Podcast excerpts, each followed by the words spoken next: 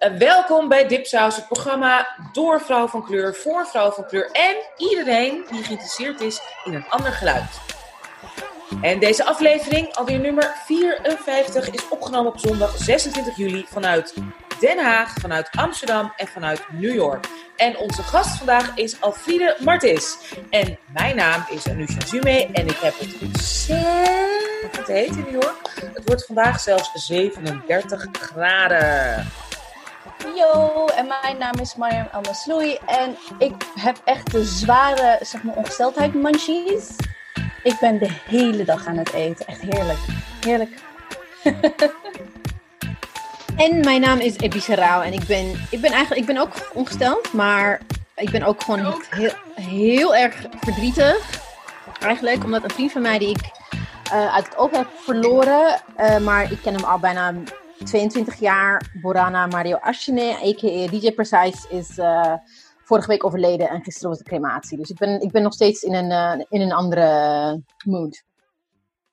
Um, Oké. Vergeet je niet te abonneren via dipsas.org. Daar zie je de relevante links: iTunes, Spotify, Stitcher en Overcast.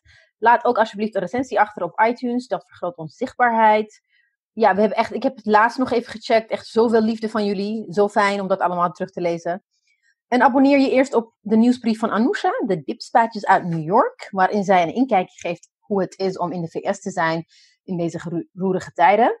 Abonneer ook op onze nieuwsbrief vol artikelen, winacties, evenementen, playlists en onze eigen Dipsaus exclusive essays, recensies, etc. En iets nieuws, je kan ook, als je iets kan missen en ons wil helpen, geld doneren via onze homepage. En vergeet je ook niet om te abonneren op de nieuwe Dipsaus productie Spectrum, een podcast waarin de queer ervaring centraal staat. En we hebben vandaag een hele leuke gast bij ons, zoals Anisha al zei, Alfrida Marties. Welkom. We kennen elkaar al een tijdje via de, natuurlijk de wonderful Twitters. Um, we gaan het straks uitgebreid met je hebben over um, body positivity. Hè? En welke, welke plek voornamelijk zwarte vrouwen, indigenous vrouwen en vrouwen van kleur daar, uh, welke plek ze daarin hebben. Maar we're gonna take you with us to the world of the bay, bay, bay, bay, bay, bays. Yes, we gaan naar de world of BBB's. Dat is zeg maar alles waar wij, waar wij het gewoon over willen hebben. En het begint met de B. Burn, book, binge, broadcast. Be, toen toch? Hebben we nog meer? Jawel, broom. We hadden een broom nog. Brooms? Ja, we hebben best veel. We, ja, van alles. Maar anyways, basically, het is gewoon dingen die we willen tippen. Dingen waar we boos over zijn. Of dingen die we willen meegeven. Wat je kan lezen of luisteren. En BC, wil jij beginnen? Ja, uh, we hebben een B. Het is, eigenlijk, het is mijn B, maar het is ook ons B. Ons, de B van baby. De baby van dit ah ja. Uh, en dat is uh, ons eerste boek, De Goede Immigrant. 23 visies op Nederland. het is een boek de, hier hebben we natuurlijk heel veel over gepraat en getweet en gemaild erover. Um, en het komt eindelijk, na heel veel uh, werk en uh, huilen en liefde en van alles nog wat, komt het aanstaande donderdag uit. Je kan het uh, bij de grote boekhandels kopen, maar ook gewoon via online. Um, het is, zoals ik zei, het is een eerste boek van het, het eerste boek van Dipsaus. het is het is een verhaal. I mean, the, the, title says, says it already. It's like The Good Immigrant. Er komen heel veel interviews en recensies de komende weken. Dus hou onze website in de gaten en ook Twitter. En ik wil even een shout-out geven aan our pod squad, de podcast squad. Uh, een van de amateur waar ik eindelijk de gast mocht zijn. Bij Botte en Ipe. En daar heb ik ook een interview gegeven over dit boek. En uh, in de loop van de week komt ook uh, het interview in Trouw en NRC. Uh, dus het wordt echt een heel leuk week, denk ik, toch? Het wordt een leuke, ja, het wordt een leuke week. En ook maar... Interessant. Ja, maar ik vind ook wel even heel belangrijk. Dan ga ik even over naar jou, Anousha. Um, one of the books, one of the stories van de 23 verhalen is van Clark Accord. Wil je daar even, even kort aan mensen die hem niet kennen, even vertellen wie hij is en wat hij voor jou heeft betekend, maar ook voor Nederlands literatuur? Ja, nou, Clark Accord is um, ja, helaas te vroeg te jong heen gegaan.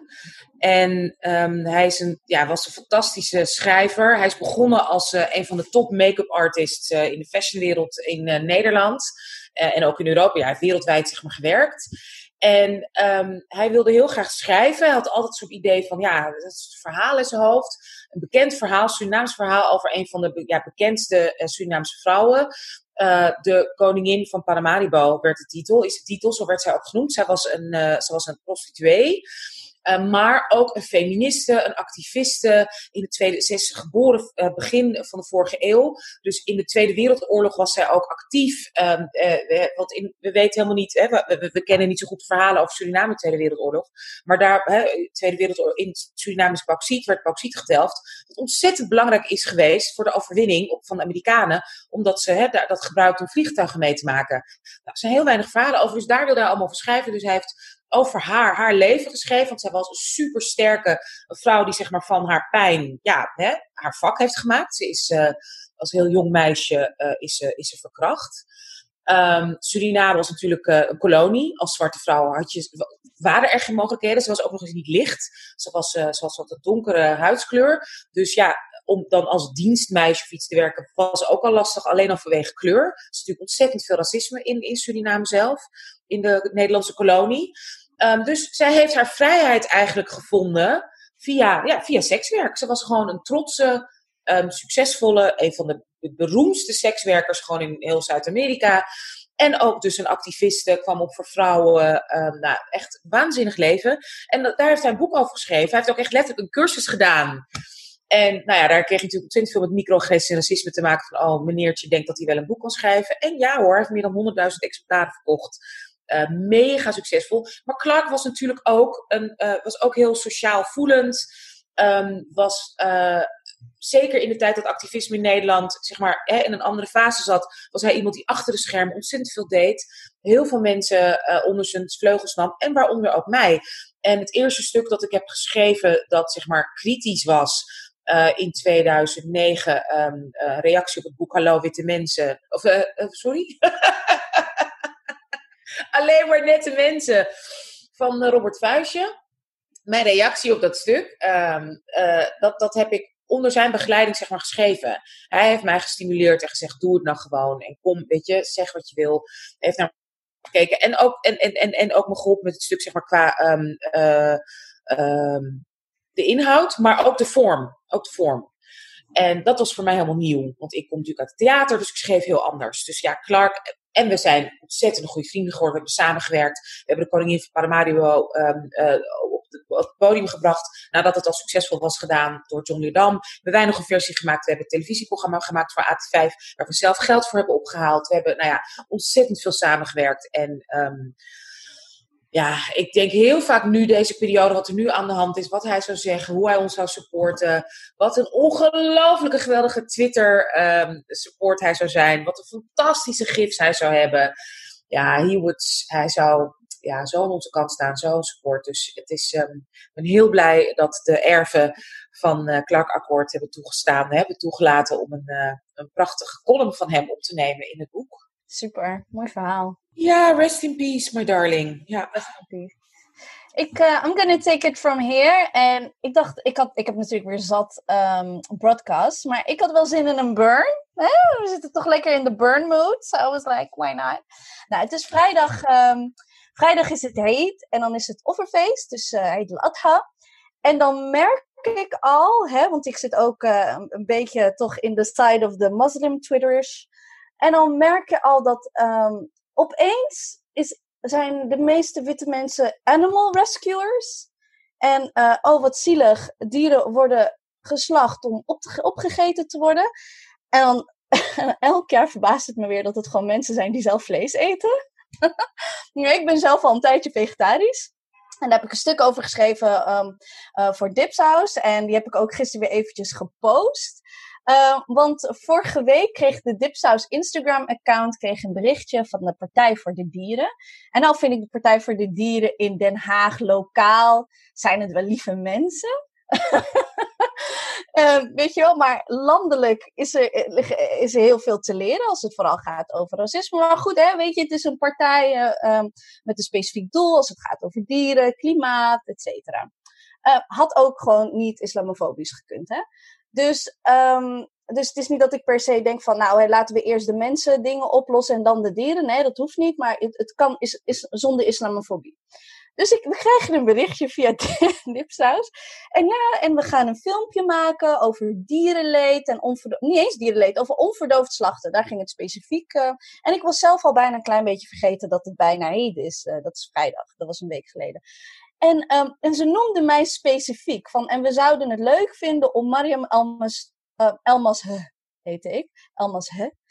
Um, te, te spreken. En het, het verbaasde mij gewoon van. Ze weten niet wat mijn politiek erover is. Volgens mij weten ze zelfs weten ze niet dat ik echt bijna vegan ben. Um, weten al dat ik, dat ik sowieso dierlijke producten per definitie bijna niet in mijn huis heb, eigenlijk. Na nou, hele lange tijd eigenlijk niet. Um, maar ze wilden toch wel even de moslima van de drie dipsausen spreken om het te hebben over onverdoofd slachten. Nou, en dan ben ik nog zo coulant genoeg om te bedenken: oké, volgens mij is Partij voor de Dieren wel gewoon tegen überhaupt dieren doodmaken om te eten. Die vriendelijk vlees bestaat er niet. En dan lees ik daarna, een paar dagen daarna, lees ik een artikel over dat, um, dat een onderzoek wordt gestopt naar misstanden in slachthuizen in Friesland en Drenthe en Groningen, omdat het te lang duurt, het onderzoek. Er wordt gewoon vlees verkocht van zieke dieren die eindigen gewoon in de supermarkt. Hè? Maar nee, de moslims. weet je, echt, je moet echt heel ver van me wegblijven de komende tijden. Als je het wilt gaan hebben over dieren, diervriendelijk vlees, over hoe evil wel moslims niet zijn tegen dieren. Ben ik vegetarisch omdat ik, omdat ik vind dat de bio-industrie per definitie geen halal vlees is? Ja. Heb ik daar discussies over thuis? Ja. Slaat dat aan? Ja. Er is meer een bewustzijn over de manier waarop wij dieren behandelen in de bio-industrie. En als je praktiserend moslim bent, um, strijkt dat tegen elkaar of is dat tegenstrijdig per definitie? Mijn 70-jarige vader begrijpt dit. Weet je, die denkt zo van: oké, nee, inderdaad. Als ik gesprekken met hem heb over, weet je hoe vaak een kip een ei hoort te leggen? Weet je, dan, dan is dat niet elk, vier keer elke dag. Daar zitten hormonen in, daar zit echt marteling in. Koeienmelk. Zou je zomaar. Mijn opa zou nooit een kalfje zo lang voor de moeder, van de moeder scheiden, gewoon voor wat extra melk. Die vindt dat onmenselijk. Maar nee, weet je, we gaan Marianne een berichtje sturen. Um, we willen een leuk campagnevideo maken en wil je... En ten tweede, weet je, dat is echt nestbeveiligd. Dat is echt nestbeveiligd. Dan kan ik nooit meer thuiskomen als ik, uh, als ik in een filmpje eindig waarin ik zeg van nee, maar weet je echt, echt, echt die onvriendelijk zijn, dat zijn moslims. Nee, ik, was, ik ben er helemaal klaar mee. En de komende dagen ga ik daar ook lekker over renten. Want ik heb zomerrecept en ik heb tijd. hoe halen ze het in hun hoofd in eerste instantie om, om ze überhaupt jou te benaderen? Because, I mean, luisteren ze überhaupt naar Dipsaus? Nee, tuurlijk niet. Het is, ook lui. het is ook lui. Het is gewoon luiheid. Ze denken, oh leuk, weet je, wie van de drie klinkt het meest moslims? Het ja, en ook uh, natuurlijk 2021 uh, uh, verkiezingen. Waarschijnlijk, ja. Maar ook een rol. Ja, ik, en ik was nog eventjes nieuwsgierig om te reageren van, eh, weet je, waarom willen jullie mij eigenlijk spreken? Want ze zeggen het niet expliciet, weet je wel. Uh, dat ze zeggen van, ja, wij willen de mening van de moslima over onverdoofd slachten of wat dan ook. Um, dat, dat, dat, dat zat er allemaal niet bij. Of uh, willen ze mij in die campagne? Nou, dan weten ze echt niet. Ze weten echt niet met wie ze het hebben. Weet je, dus dat, dus dat is echt echt mijn burn. En het is ook elk jaar zo, hè, dat ze, dat ze bijvoorbeeld in kranten echt foto's gaan laten zien van arme schaapjes, weet je wel. En die dan, en dan zie je een, een moslim zo op, weet je, op de achtergrond een beetje zo beduust kijken van, ja, maar uh, jullie eten toch ook gewoon vlees? Wat is dat ding? Weet je wel? En, en volgens mij zijn er zat filmpjes over, weet je, wat er, wat er in slachthuizen in Nederland gebeuren, in België, um, op, weet je, in heel, in heel Europa. Dus uh, het is gewoon weer hypocrisie ten top. Een soort, soort gewoon, dan gaat dat wit suprematie stofje, gaat dan weer, uh, uh, gaat dan weer allemaal dingen doen. Um, en ja, daar ga ik dus nu ook nog deze week heel veel van zien. Dus besides alle, zeg maar, racistische bagger dat je dan over je heen krijgt, heb je ook dan nog even het geluk om moslim te zijn. Maar moslim en vegetarisch. Ja, en dan gaan ze je waarschijnlijk ook uitnodigen om eh, een kopje koffie te drinken. En of je wil komen naar het kantoor om ze te, te- daarover uit te leggen. En eh, inderdaad daarover in gesprek te gaan. Ja, want, je, want, je leek, want je leek me een beetje geïrriteerd. Of eh, hebben we iets verkeerd gezegd? Wat hebben we verkeerd gezegd?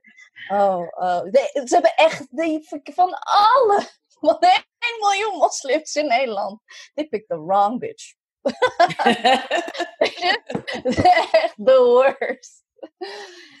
Maar dat was mij, dat was mij wel fijn weer een keertje een burn. Hè? Ik heb het gevoel dat we de hele tijd hele mooie boeken en hele Dat mooie waar, ja. podcasts. Even, even lekker erin. Gewoon even lekker. Zo eh, heel lief geweest. Ja, precies. Echt heel lief geweest. Ehm, Oké, ik heb ook een, ik heb wel een, eh, een, een, een B. Dat is eigenlijk en een boek en binnenkort ook een binge. Of nou ja, het gaat nog wel eventjes duren, denk ik. Ehm, het is ook een bepaalde reden waarom ik dit graag eh, met iedereen deel. Ehm, eh, ja, daar gaan we het straks over hebben. Maar er zijn mensen die geïrriteerd zijn dat wij werken en een carrière hebben en leuke dingen doen. Nou, en ik doe nu ook een heel erg leuk ding. Want ik werk inderdaad in New York City voor een Amerikaanse productiemaatschappij. En mijn baas is een zwarte queer man. Die, die, die de eerste zwarte eh, Oscar-winnaar van een, van een korte film. Of een korte documentaire. Dus ja, onder een anderhalf uur. Dus een prachtige documentaire. Music by Prudence. En ik werk voor zijn productiebedrijf en eh, One Story Up. En wij gaan nu heel geweldig ehm, de, de, de, de, zeg maar gesproken versie van het boek van Ta-Nehisi Coates, Between the World and Me, gaan wij produceren. That's how hoort. Ben ik, het is echt, en ik lees het, ik ben het weer aan het herlezen en het is echt ongelooflijk hoe mooi het boek is. Hoe inspirerend, hoe prachtig. Ik heb het natuurlijk in het Nederlands gelezen, want eh, AUP, ook mijn uitgever in Nederland, heeft de vertaling eh, ge- ge- gemaakt. En het is prachtig om nu in het Engels in Amerika in deze tijd te lezen. En mijn zoon is, is ja, die wordt 15, dus het is echt op allerlei niveaus. Ja, het is ongelooflijk om dat nu dus weer te lezen met alles wat er nu in Amerika ook inderdaad aan de hand is. Uh, maar het is geweldig om mee te mogen werken. Ik weet nog niet precies wat ik ga doen. En weet je, want we zijn natuurlijk een, ja, er werken meerdere mensen. Het zijn verschillende projecten. Ik ben met ook met andere projecten bezig. Maar ik heb in ieder geval gezegd van, maakt me niet uit. Ik ga gewoon de vuilnisbakken legen en de broodjes smeren. Maar ik wil erbij betrokken zijn. En uh, ja. You're gonna meet him. Um, ja, ik hoop het wel, ja. Als ik op de set mag zijn. Okay, en, dan moet je ja, zeggen, natuurlijk, als ik een uh, taak heb. Oh, black, dan moet ik wat zeggen, ja. Only black Dutch Ja. editor says hello. Ja, oké. Is goed, is goed. Nee, dat ga ik zeker zeggen. En why, didn't you come to Amsterdam? Ga ik dan ook zeggen. Sowieso. Hij is niet naar Amsterdam gekomen. Dus uh, nee, maar goed, dat Would wilde you ik... like a sandwich? And would you like a sandwich? Precies, vegetarian, right? Ja. Nee, dus... uh, oh, nee. oh, en een dipsaus interview. Ja, natuurlijk. Dat ga ik ook allemaal doen. Uh, maar goed, uh, ja, dat wilde ik gewoon even delen. Want uh, dan kunnen we meteen even door naar onze gezamenlijke shout-out. Waarom ik dit graag deel. Want er zijn gewoon ja, witte mannen die, zo, die het zo erg vinden dat wij gewoon bestaan. Lachen. Lachen, kletsen in onze eigen podcast. Dat we artikelen schrijven, interviews. Dat we mening hebben. Dat we Utrecht behoorlijk gesegregeerde stad vinden. Wat het, wat het is. Uh, dat, dat uh, nou ja, girls, let's go. Ja, ja, ja, ja echt een shout-out. Eventjes sowieso, protect black women. Altijd, women niks. Um, en ja, echt een shout-out naar Saada, Clarice en Sabrine. Echt, en all our solidarity. En ja, het, het, is gewoon... Maar dit echt? Maar je, je, je, je hebt een probleem als je zegt... ik wil geen man, witte mannen daten. Je hebt een probleem wanneer je een witte man date. Ja, ja. al twintig jaar. Ja, ja er zijn mensen die een mening hebben over cancel culture. Je schrijft een stuk in een krant over cancel culture. Is het dan weer ook niet goed? Uh, Saada ontslaat iemand niet, maar dan is het toch haar schuld. Ja, nee, het grappige is dat ik was ook, weet je, dit is een beetje eigenlijk allemaal toch, uh, even de context, het is een beetje begonnen uh, bij de Nieuwsbv. Ja. Daar heeft een columnist, Marcel van Rosmalen, ik heb het niet eens helemaal gehoord, maar die heeft allemaal zo zuur en ellendig, waarin hij in ieder geval zich ontzettend druk maakt over, over dipsaus en jullie ook de dipsaus meisjes noemt de Anousha's dipsaus, maar weet ik van, en uh, hij begint over Clarice, hij heeft het over, hij heeft het over Sade. Ik wil het niet te veel aandacht geven, maar dat, dat, dat is dus de zoveelste golf van inderdaad de erasure en de, van de professionaliteit, maar van zwarte vrouwen. Maar ook de professionaliteit de hele tijd ook, zeg maar, niet alleen ondermijnen, maar ook letterlijk questionen. En wat zo bizar is, is een paar dagen daarvoor, of nou, een week daarvoor, was ik nog te gast bij de Nieuwsbv over Black Lives Matter samen met een Amerikaanse activiste. Was een heel mooi, goed voorbereid interview. Ik ben twee jaar columnist geweest. Dus wat hij doet, druktemaker, heb ik ook twee jaar gedaan bij de Nieuwsbv. En ik moest zo ongeveer het veld ruimen voor hem. Want zo gaat dat. Na een paar jaar ga je een beetje wisselen en kijk je een beetje naar wie wordt goed geluisterd, wie vinden we leuk, wie vinden we eigenlijk een beetje lastig en irritant. Dat weet ik niet. Maar in ieder geval, ik moest een beetje weg en hij kwam een beetje binnen. Dus dat gaat altijd zo in ons vak. Bijna niemand, ja, Arno Grunberg, maar bijna niemand schrijft honderdduizend jaar columns. Weet je, dus alleen het feit dat dat, dat, dat er een wisseling is van columnisten, dat dat inderdaad uitgelegd moet worden als dat gebeurt bij One World. Terwijl de Nieuwsbv doet het ook de hele tijd. Waar hij zelf nu zit. Ja, het is, ik vind het echt, en ik, daar heb ik dus inderdaad de Nieuwsbv ook um, geëd van, goh, lekker, jullie waaien met alle winden mee. Vorige week zat ik daar nog en nu word ik inderdaad uh, voor de bus gegooid. En dit en dat en dat. En ik moest ook zo ongeveer het veld voor hem. What, what the hell? Nou, daar krijg je natuurlijk allemaal geen antwoord op. Want voor de Nieuwsbv is dit sowieso al fantastisch dat het allemaal het gebeurt. Geslaagd, super geslaagd. Ja, top. En de nieuw, mag ik even, de Nieuwsbv, waar toen ik daar vijf jaar geleden zeg maar zat, was het een behoorlijk dit programma. En ik dacht, ja nee, we moeten dit aanpassen, we moeten dat aanpassen. En wie zijn nu de twee presentatoren? Twee witte mannen. En ik wil geen namen noemen, maar de presentatoren die ik ook heb aangedragen, die andere redacteuren hebben aangedragen, de namen, de, de, de mensen die jaren al in Hilversum werkzaam zijn, die dit ook samen hadden kunnen doen. Nou, en er zitten weer twee witte kerels die dit programma presenteren. Weet je, prima, maar hou dan wel je mond over dat mensen het zelf gaan doen op hun manier. Ja. ja. Want daar zijn we toch niet welkom? Daar komt toch niemand binnen van ons? En dat is het, uh, en dat is het wat, uh, wat, wat Ada eigenlijk tweette twee dagen geleden, which was really succinct. Ze zei gewoon van, ik zie dat, we, dat, dat het weer open season is op zwarte vrouwen die slimmer en getalenteerder zijn dan het middelmatige media plebs. En ze heeft gewoon gelijk, dat is het. En kijk, we, we komen niet binnen, we hebben geen zin om uh, aan de deuren te kloppen. We doen ons eigen ding en dat mag niet. Niks nee, mag. mag. Je mag niet in New York wonen.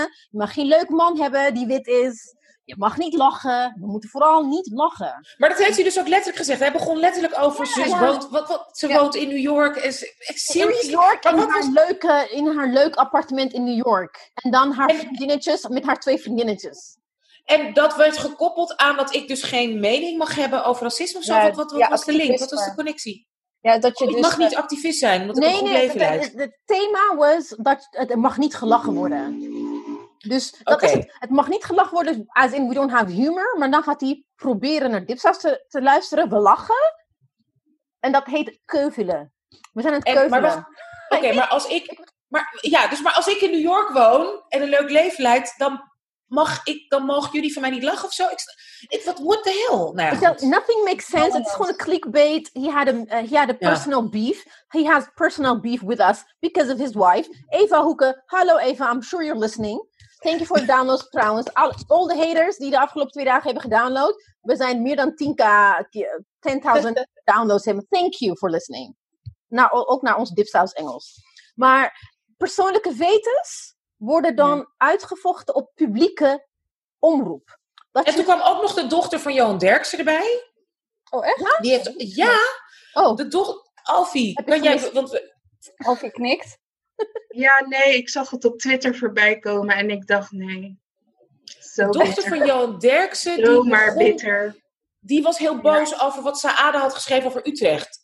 Saada, een zwarte vrouw, heeft Utrecht ervaren als een vrij racistische stad. Nogal gesegregeerd, een hele witte studentenstad. Ja, ik bedoel, als zwarte vrouw denk ik dat je dat, dat, jou dat eerder opvalt dan hè, Marieke Derksen. En daar is ze helemaal los over gegaan. Nou, daar hebben natuurlijk mensen ook weer op gereageerd. Ze heeft wel een soort van half dat weer half teruggenomen, weet ik veel. Ik had het anders moeten doen, maar Marieke Derksen is de dochter van Johan Derksen. Dat wist ik niet. Dus, maar zij is dus de, ook... Dat bedoel ik dus. Ik wist niet dat zij... Ik dacht Derksen gemiddelde Jan Smit naam. Nee. Maar zij is dus ook de redacteur van Mar Mar Marcel van Roosmalen. Ja. Nee, Marcel wow. van Leugmalen.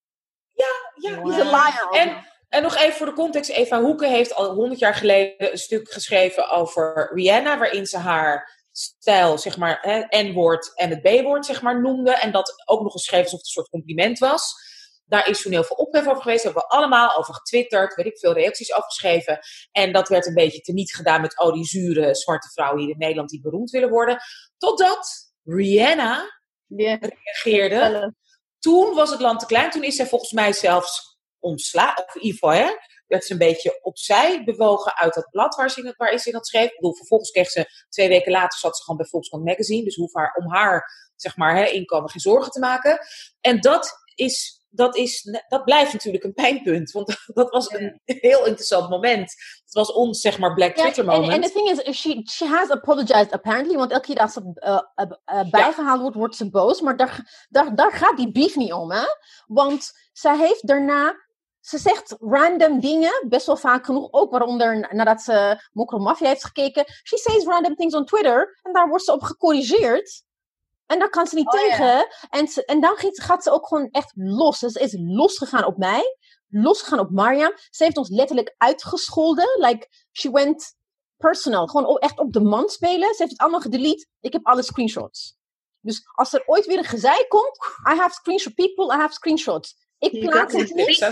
Maar I have receipts. Hoe ze op een vieze manier tekeer gaat tegen women of color. Die haar gewoon corrigeren.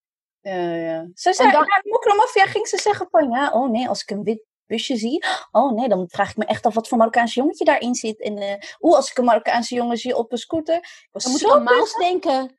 Maar dan moest ik nog denken, ik heb het dus opgezocht toen jij het zei, Ebice, want ik wist helemaal niet dat dat eh, nepotisme hè, bij witte mensen echt, hè, eh, echt wauw. Hoe heet het? Toen ging ik dus kijken en toen dacht ik, ik was super beleefd tegen, want ik, ik was super beleefd van, joh, eh, dit is echt niet oké wat je aan het zeggen bent. Ik was echt verbaasd over mijn eigen beleefdheid. Maar goed, dat maakt niet uit. eh, En toen begon ze ook over dat jou, je vriendinnen praten over jou. Ik, ik heb geen vriendinnen bij Volkskrant hoor. Dat, zei ze op, op Twitter. Zei van, je, je, denk- je denkt, maar je weet niet hoe jouw vriendinnen over jou praten. I'm like, girl, ik, A, ik weet wie je bedoelt. B, not my friends. C, if they were my friends, they're my ex-friends now. I don't give a shit. Weet je? Maar ik begrijp gewoon niet. Kijk, nog steeds met een hele cancel culture gelul. Hoe, wat denk je nou echt? Dit is een openbaar platform. Daar ga ik mijn mening spuien. En iedereen mag dat alleen maar leuk vinden en mag daar niet op reageren. Ja, ik, ik mag niks meer zeggen op NPO 1. Terwijl die Nee, ik, mag, ik zeg elke week iets op NPO 1. Oh, daar komt een reactie op. Nee, maar dat mag niet. Ik mag het gewoon zeggen en jullie moeten gewoon stil blijven. Ja. Hoe leg je dit gewoon uit als je dat, dus als Marcel eh, hè, je vak uitlegt aan je kind? Hoe leg je dat dan uit? Ik ben een openbaar, krijg ik voor betaald om mijn mening te geven op een leuke, koddige, jolige manier. Maar daar mogen mensen dan niet iets van vinden van mij. Ja, Dat kan je niet Ja. uitleggen. Ik bedoel, sneunneuzen dat- allemaal. dat prima, doe het. Maar waarom mogen wij het dan niet ook doen? Dat vind ik zo raar. Nee, we moeten dankbaar zijn. We, moeten, we have to be de, dankbaar, eh, de dankbare migranten. Goede immigranten. Zo blij zijn dat we hier Ja. zijn. Oh, we zijn hartstikke blij. Nee, dat, we zijn, dat we geld mogen krijgen van SVD om een podcast te starten.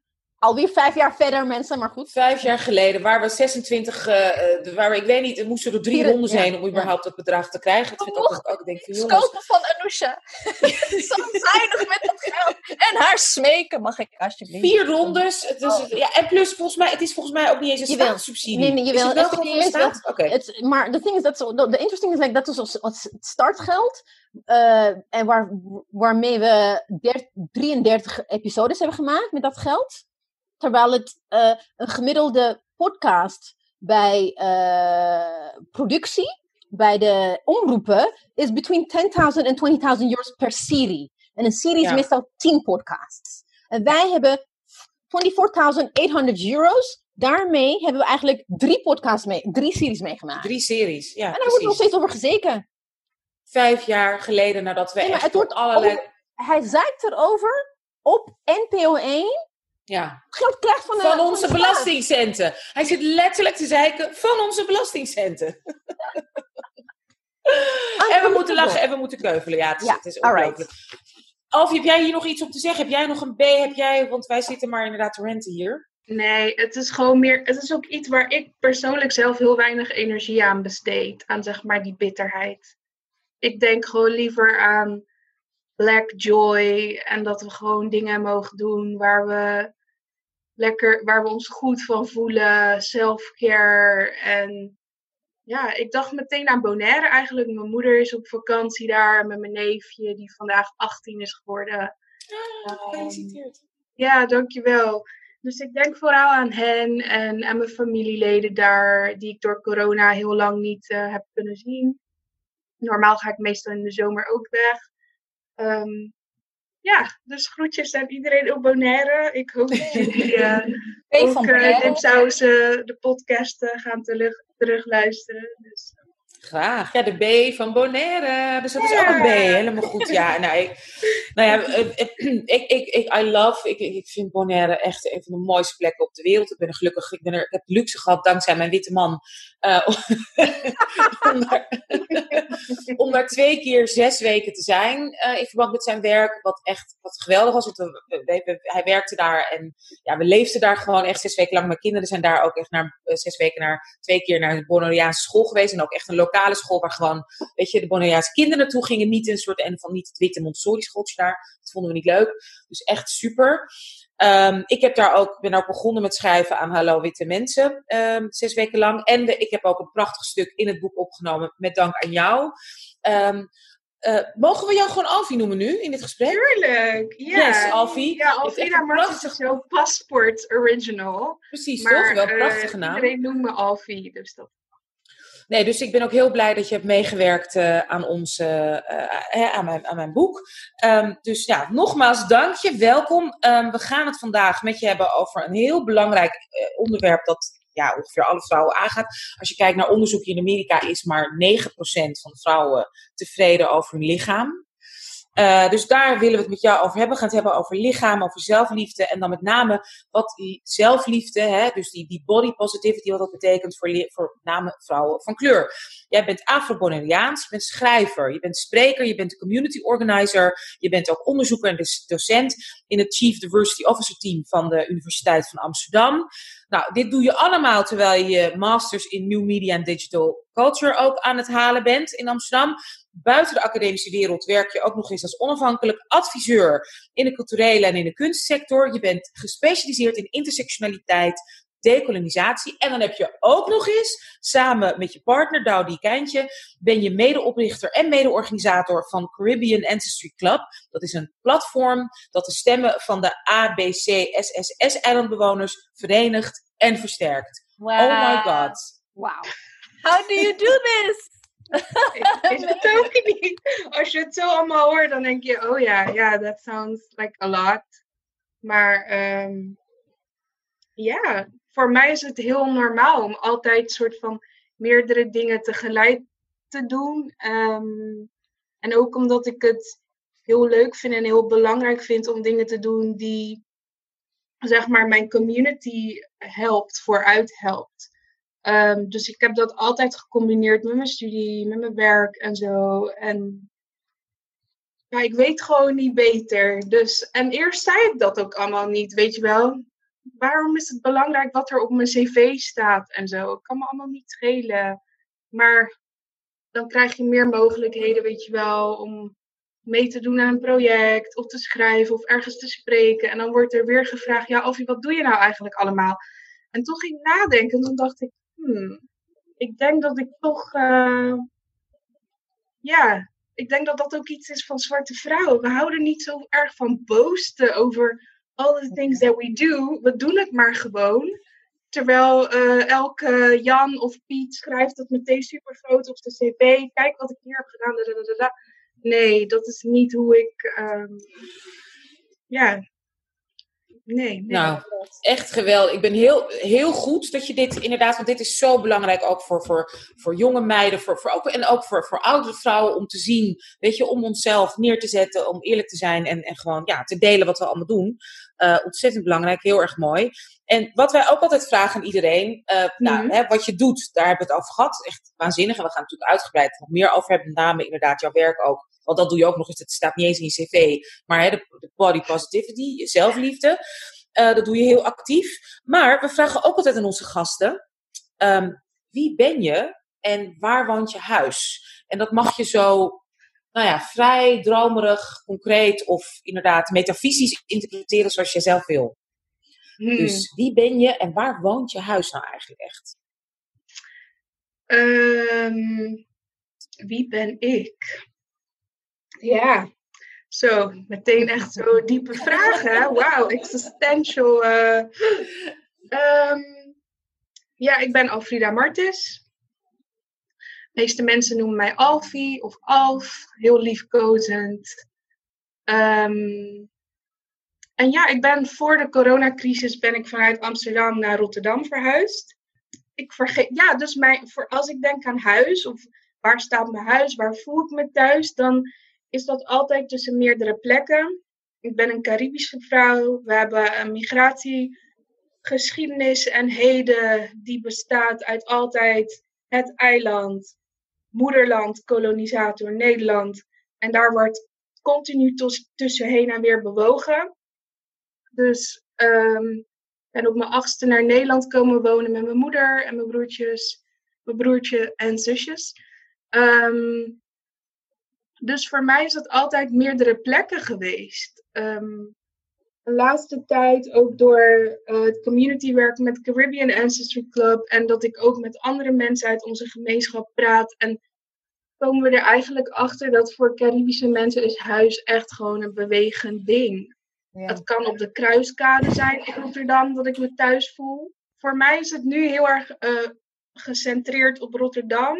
Maar ik had net zo goed ook op Bonaire kunnen zitten. Of nog in Amsterdam, waar ik uh, en was, ja, was, was Rotterdam een bewuste keuze? Was, was het gewoon meer van, oh ja, leuk, iets anders? Of wilden jullie bewust naar Rotterdam? Of hoe kan je daar iets over vertellen? Want jij woonde daarvoor in Amsterdam, toch? Al heel lang. Uh, ja, maar ik wilde, ja, ik woonde in de, Bel woonde in de Belmer.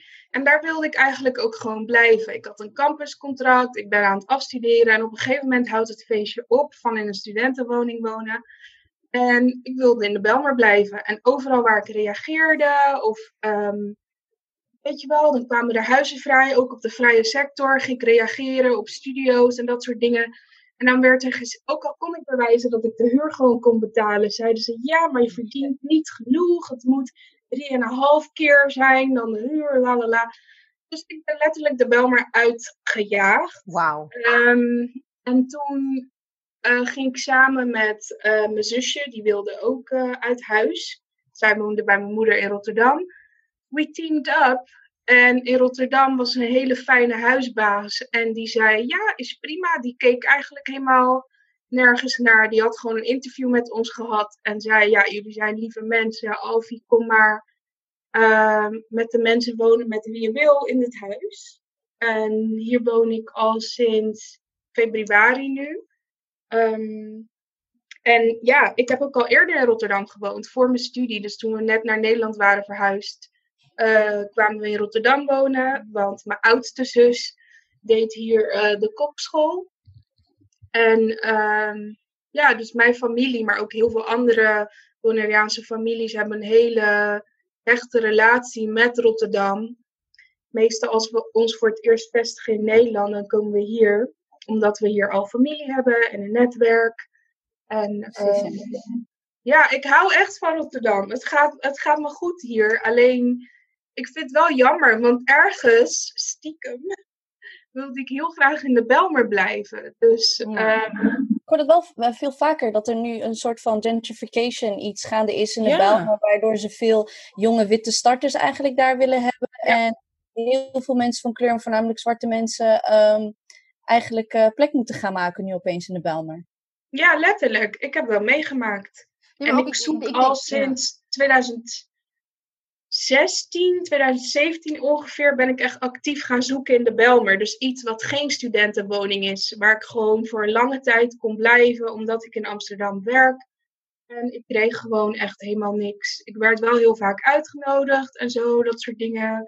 Maar, uh, is het ook, I mean, is het niet, ja. niet zo dat, uh, I think, iemand met jouw profiel maar wit krijgt gewoon een huis? Daar ga ik van uit, want daar, daar hoor je ook heel veel over, like racism mm. en uh, huizenmarkt in Amsterdam. Dat is, niet, dat is niet iets nieuws, maar ik ben alleen verbaasd dat het ook in de Bijlmer dus een soort van actief afweer is van zwarte mensen.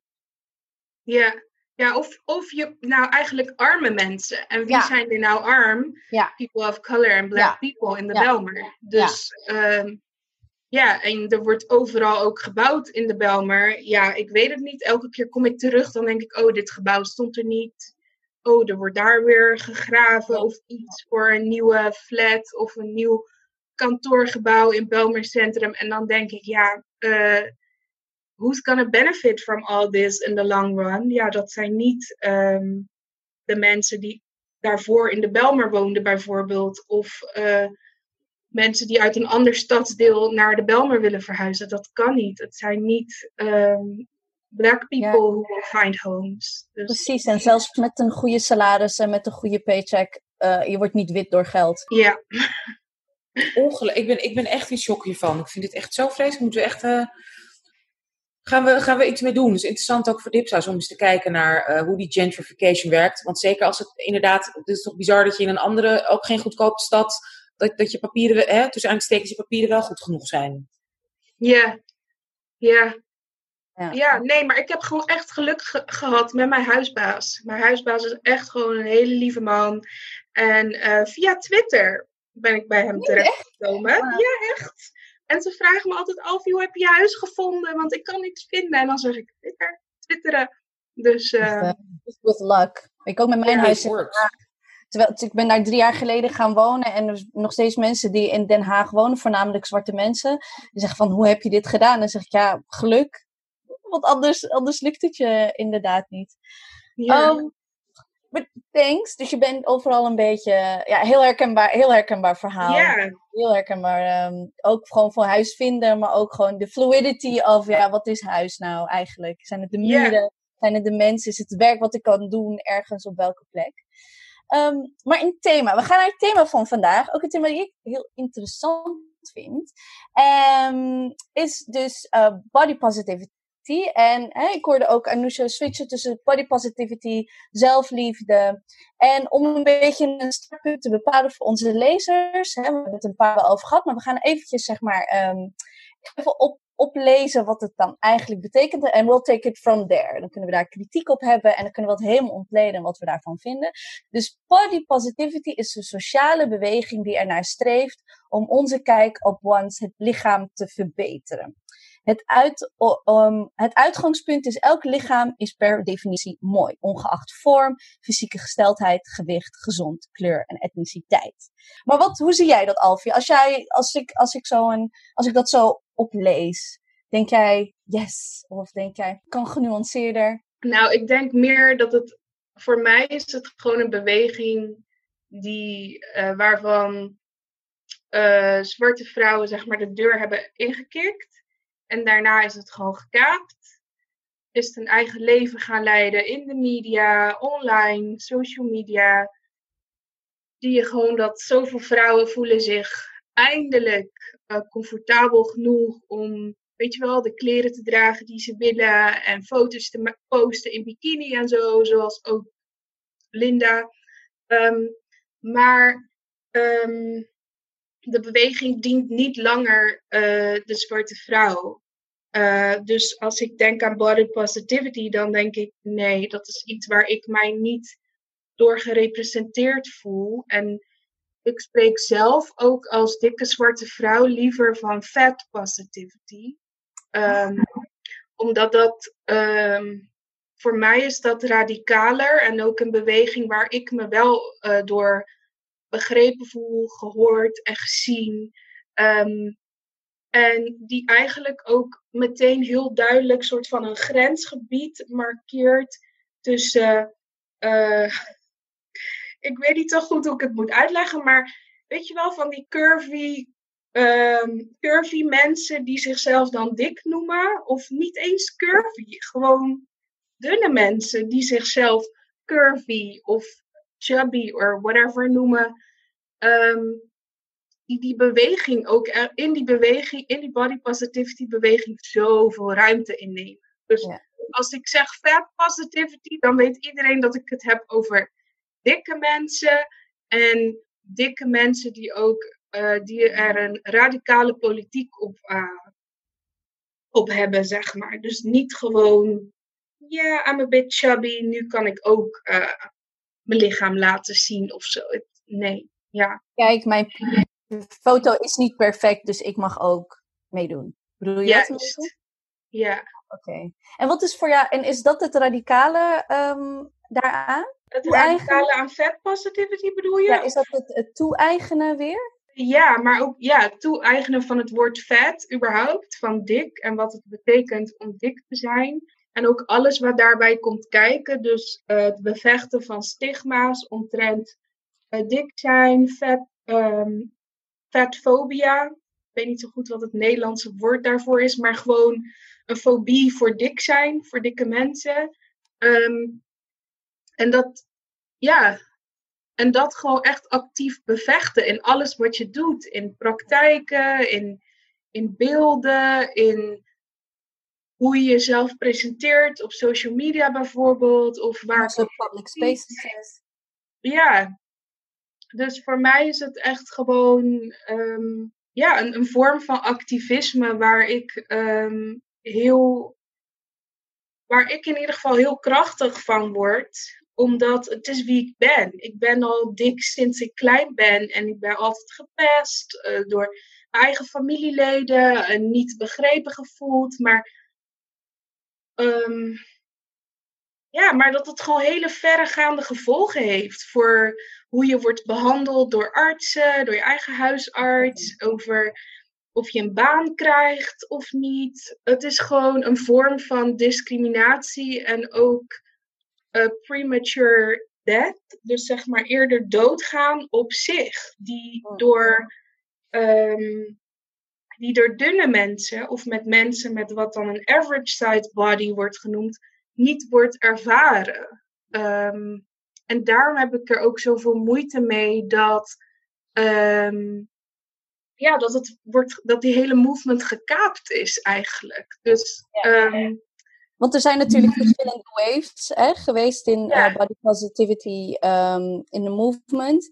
Um, en we zijn nu, hè, anno 2020, waarin eigenlijk maar ja, een hele kleine groep um, vrouwen uh, of femmes eruit zien zoals hè, wat het schoonheidsideaal is in het Westen.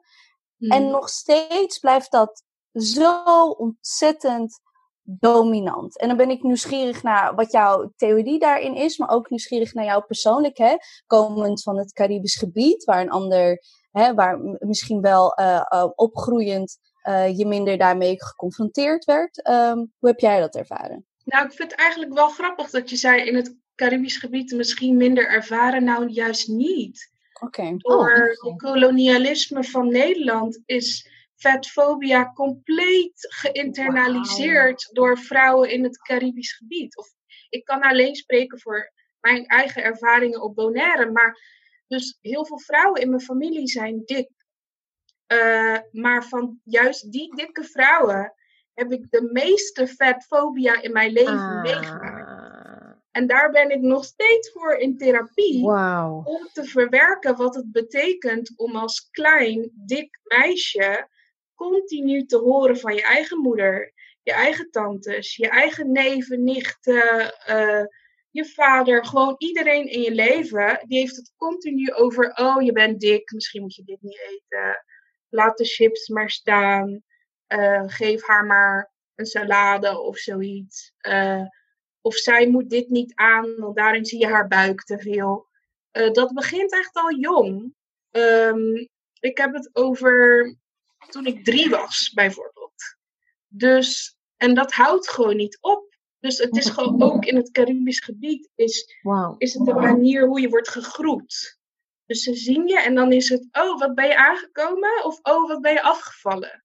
Dus um, het overheerst gewoon je daily life.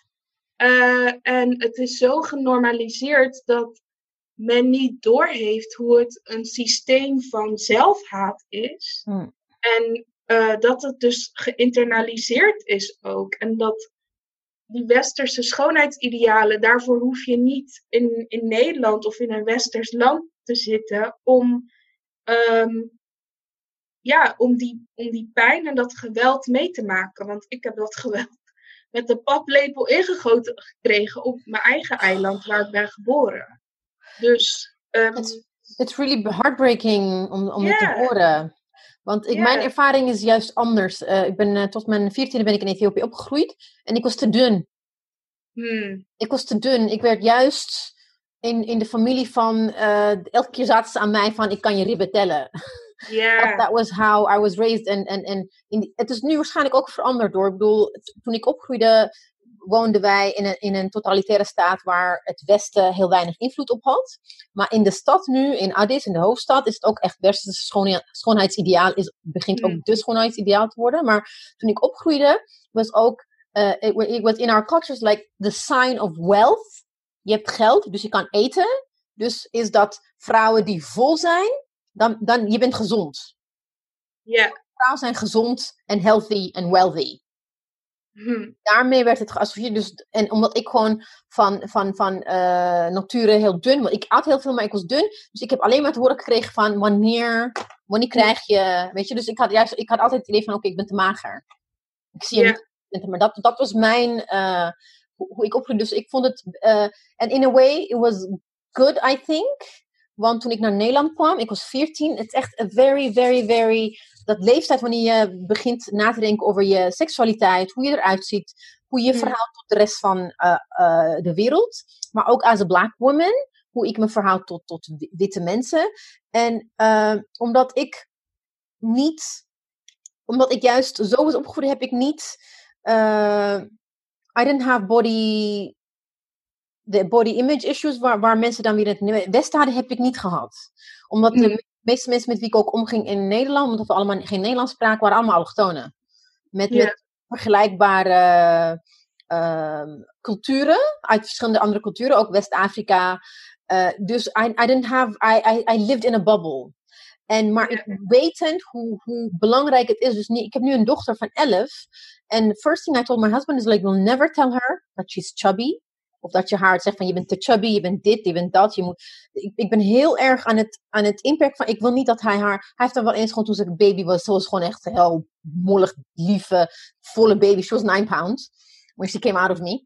Eh, en, en hij heeft wel eens gezegd, eh, hey dikzak of zo. Ik heb echt gezegd, dat, dat ga je nooit meer tegen haar zeggen. Dat was echt gewoon dat ik echt ontplofte van, ik wil niet dat mijn kind op vrij jong leeftijd al gewoon die, die, die, die fobie meekrijgt, weet je wel. Dus het is, het is echt, I'm, I'm, I'm, I'm surprised to, want ik ging ook gewoon aannemen, ook op de Cariben, ook op Suriname, diezelfde soort cultuur waar, waarin ik ben opgegroeid in Ethiopië bestaat. Ehm, nou, kijk, voor mij is het anders, want ik ben dus altijd al dik geweest. Ja. Maar eh, familieleden die dus dun zijn, of te dun, zoals wij dat dan noemen, mucho flaco, die eh, maken eigenlijk mee wat jij meemaakt. Ja. Dus die worden continu ehm, hun vrouwelijkheid, vrouw zijn. Ik heb het specifiek over Caribische vrouwen dan, of femmes.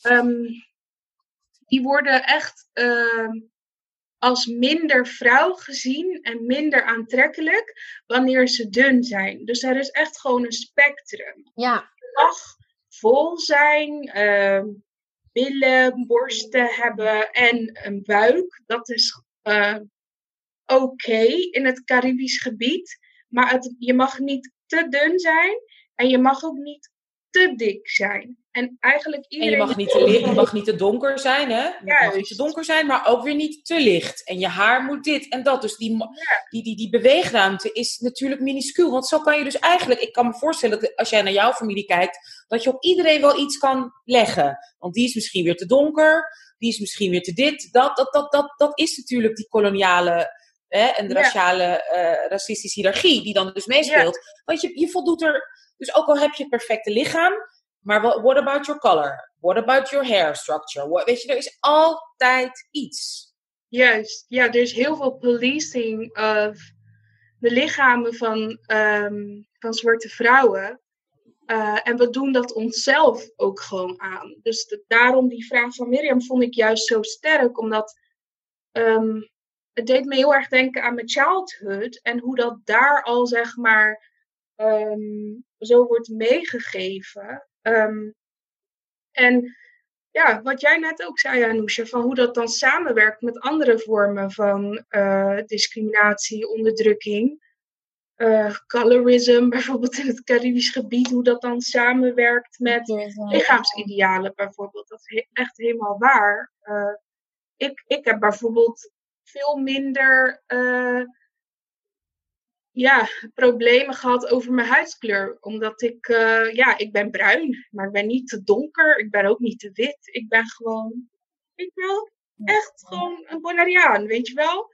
Ik ben ja, daar zijn niet echt vragen over. Tenminste, van sommige familieleden mag ik niet te veel in de zon zitten en zo. Of haar mag niet te kroes zijn.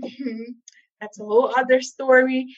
Ehm, maar ja, die, het werkt altijd samen. En ehm, daarom, is het, ja, daarom is het ook zo belangrijk dat er in die hele beweging om um, omtrent uh, lichaams, uh, body ideals en schoonheid, schoonheidsidealen, dat zwarte mensen moeten echt een centrale plek hebben in die bewegingen, omdat onze lichamen historisch gezien altijd het meest worden gepoliced. En als gevolg daarvan maken we ook ja, de meeste vormen van premature death mee. Um, en ja, daar zijn gewoon zoveel voorbeelden van. Ik weet niet eens where to begin. Um, maar ja, voor mij is het daarom des te belangrijker om daar op een zo radicale manier mogelijk naar te kijken. Het gaat niet alleen maar om zelfliefde, met een lush bath bomb in je bad liggen en plantjes monsteren. Oh leuk, foto's, selfies maken. Ja. Leuk en aardig, maar er zit echt een hele diepe political layer achter. Die wordt vergeten door de witheid van de body positivity uh, beweging in Nederland in ieder geval. Maar als je het mij vraagt, ook um, like globally. Uh, ja. En Ebisa had het er al over, inderdaad, haar soort van weg naar hè, haar weg in, in, in, in haar lichaam. Kan jij iets vertellen uh, over hoe jij, hoe jouw stappen zijn geweest? Want inderdaad, wat Ebisa ook al zei, nou, Marjan, bij mm. alle drie, om zo op te groeien, hè, dat is, dat, dat, dat is nou, kritiek herkennen we allemaal. We hebben allemaal natuurlijk heel veel kritiek gekregen van kleins af aan. Juist van de mensen die van ons houden, die van ons zorgen. Maar als we het hebben specifiek over jouw lichaam en over zelfacceptatie, over inderdaad ook jouw politieke uh, kant daarin, hè, die politieke keuzes die je hebt gemaakt. Kan je ons meenemen naar die weg daar naartoe, naar waar je nu dus bent gekomen? Waarvan je vandaan bent gekomen en waar je nu zeg maar staat in het spectrum. Ja, nou, voor mij moet het denk ik. Het is gewoon altijd iets waar ik mee bezig was. Omdat. Ja, het is gewoon een pijn die ik altijd bij me heb gedragen. En het wordt dan onderdeel van je identiteit. Dus um, ik dacht altijd van. Ik weet dat het van buitenaf komt. Het is niet, ik ben niet lelijk mensen in de samenleving, structuren in de samenleving, instituties vertellen mij dat ik lelijk ben en dat ik er daarom niet mag zijn. En ik zag ook altijd dat mensen die dan dichter bij het schoonheidsideaal zaten, die werden altijd meer geaccepteerd, kregen meer kansen en zo. Echt beauty capital. Ik had geen beauty capital. Tenminste, dat is hoe ik het heb uh, uh, ervaren. En op een gegeven moment dacht ik, um, deze pijn is te um, hier elke dag. Dus ik kreeg er mentale klachten van. Ik uh, echt dingen als suicidaliteit en gewoon niet meer willen leven. En ik dacht, ik heb hulp nodig als ik een betere persoon wil, wil zijn voor mezelf en voor, de voor mijn naaste. En voor wie ik later wil zijn. Ik kan niet te veel. Um, ik kan niet al die geïnternaliseerde pijn mijn dagelijks leven laten beïnvloeden. Dus ik ging in therapie. Maar de weg naar therapie uh, begon dus heel erg dus met dat stukje zelfbewustzijn. Van oké, okay, Alfie, je bent het niet, het wordt je aangedaan. Um, ik was ook altijd mijn lichaam aan het verstoppen. Op een gegeven moment, in 2015, durfde ik voor het eerst een bikini aan als volwassen persoon. Daarvoor durfde ik het nooit, want ik dacht, ja, krijg ik weer al die bagger over me heen, over mijn body, en daar heb ik geen zin in. Um, en dat heeft voor, voor, bij mij heeft het heel erg te maken met. Um, en daar denk ik wel dat, ja, het klinkt misschien een beetje raar, maar ik, ik moet toch credits geven aan uh, dikke witte vrouwen die ik zag op social media, zoals bijvoorbeeld Mayra Louise. Ehm, maar ook eh, zwarte vrouwen, vrouwen van kleur, modellen uit de US vooral, die zo aanwezig waren op social media, op Instagram, op Twitter, op Facebook, ehm, die, die dat echt gewoon hebben gedragen en het genormaliseerd hebben dat je op Instagram foto's kan posten als dikke vrouw in je lingerie, in je bikini of als je in bad ligt, op het strand of whatever. Ik, ik zag, op een gegeven moment werd ik, zag ik zoveel van die beelden dat ik dacht van ja, hun lichamen lijken op die van mij. Waarom durf ik dat niet? Toen ging ik dat doen. Ik allemaal reacties van andere vrouwen, ook met dezelfde soort lichamen, die zeiden van, oh Alfie, wat, wat goed, your confidence, zeg maar. En toen dacht ik, my confidence? Ik heb die confidence helemaal niet. Ik doe ook maar gewoon Myra Louise na. Of uh, weet je wel, een ander model na. Ja, het begon dus met een soort van. Uh, ja, met dat eigenlijk. Met, voor mij in ieder geval heel erg met die social media aandacht. Ja, zien. Ja, beelden. Gewoon heel veel images waarvan ik dacht van. This is, this is, this is what self-love should be. Je moet je lichaam kunnen fotograferen en dat met trots online kunnen zetten als jij dat wilt. En daar gewoon goed gevoel bij hebben. En op een gegeven moment zag ik dus dat als je dat doet, kan je andere vrouwen inspireren to also start this journey towards like radical self-love. Ja, dus krijg je en, sneeuwbaleffect, hè? Ja, sneeuwbaleffect inderdaad, zeker. En uh, toen, ik weet nou niet of het 2017 was, 2018, ik weet niet, ongeveer twee jaar terug, ben ik door de lieve Odan Barsame ben ik uitgenodigd om mee te doen aan een uh, conferentie die zij organiseerde bij het NICA Research Institute in Amsterdam. Okay. En die conferentie ging over fat politics. Um, en het heette Ferries, dubbele punt. The Politics of Volume. Dus de politiek oh, wow. optrent volume. Dus volume, dik zijn, volume. En uh, ik vind dat zo mooi. En ik ben ook tot op de dag van vandaag, ik weet niet, ik heb haar dat nooit verteld aan Hodan, maar als je luistert, je hebt zoveel uh, impact met, met dat moment gemaakt, in mijn persoonlijke leven in ieder geval, dat ik daar naartoe ging. Uh, het was in het Doelentheater van de Universiteit van Amsterdam, waar ik zelf ook nog steeds student ben en ook echt werk. Ik was daar op een plek waar ik zoveel nare ervaringen mee heb, because racism in academia. En we hadden het over dik zijn, over de politiek daaromheen. En we hadden het over zwart zijn en dik zijn. En dat dat allemaal gewoon kon bestaan, zeg maar. It opened so many. Zoveel ogen werden. Um, zo, nee, zoveel opportunities werden voor mij geopend. Uh, doordat ik daarbij was. En uh, ook kon spreken op die conferentie. Dat ik dacht van. Shit, weet je, ik ben niet de enige. Er is een hele beweging van andere mensen, voornamelijk vrouwen, die vinden dat body positivity iets is als diversiteit. Zo, mm. Uh, dus um, ja, toen dacht ik van, I think this is the, I think fat positivity is soort van de decolonization van... Politics of volume. Dat is een goeie. Ja. ja. ja.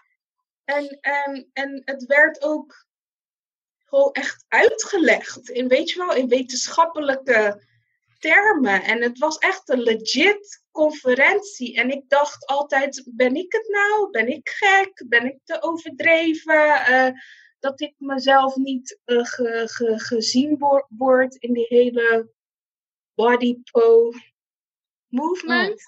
Mm. Um, en door Hodan en de mede-organisators um, van Nika eh, werd dat echt bevestigd. I felt so affirmed in alles. Ehm, en iedereen die daar ook was, als spreker of weet je wel, in het publiek, die, die waren ook daar. Ja. Dus het, eh, ja, en dus sinds die dag eigenlijk ben ik ook, eh, ja, ben ik ook steeds minder dan het woord body positivity gaan gebruiken. ja. En gewoon zo van, hm, niet Ben je geradicaliseerd? Ja, Ja. inderdaad. Ja, maar het is wel, het is, er, er bestaat wel een soort van eh, schaamte of zelfs taboe rond het woord dik en of fat. Of het nou in, eh, want het, het wordt gezien als een insult instead of eh, something positive. Dus het is ook inderdaad, als je er, ik heb er niet zo over nagedacht, want ik heb wel vrienden die eh, termen gebruiken als fatphobic en niet plus size of whatever. Weet je, niet dat, dat, het zijn eigenlijk ook gewoon eufemismes die je, die je gebruikt omdat, omdat eh, min, hoe, zeg, je het? Door eufemismes te gebruiken, kan wordt het inderdaad diffuser. Iemand die dan een maat 38 heeft of maat 40, kan ook zeggen, hey, body posi- positivity. Whereas, en dus in, in dat zin, het is wel goed dat je dit gewoon even goed hebt uitgelegd. Want I think it's important to just also embrace that word. And, That mean and address it, address it the way it should be addressed. Want body is heel neutraal. It could be anything. Ja, en vet ook. Ja, Volume. It's a Ja. very normal word ja, to say. ja, Dus ja. ja, mijn partner zei ook altijd, ja, Alf, moet ik je dan dik noemen? Toen dacht ik, ja, ja, noem me maar dik. Ik noem mezelf ook dik. Je hoeft me niet. Ja, Het, het moet gewoon Oh. genormaliseerd worden. Het Ja, moet een norm dus, worden gewoon, ja.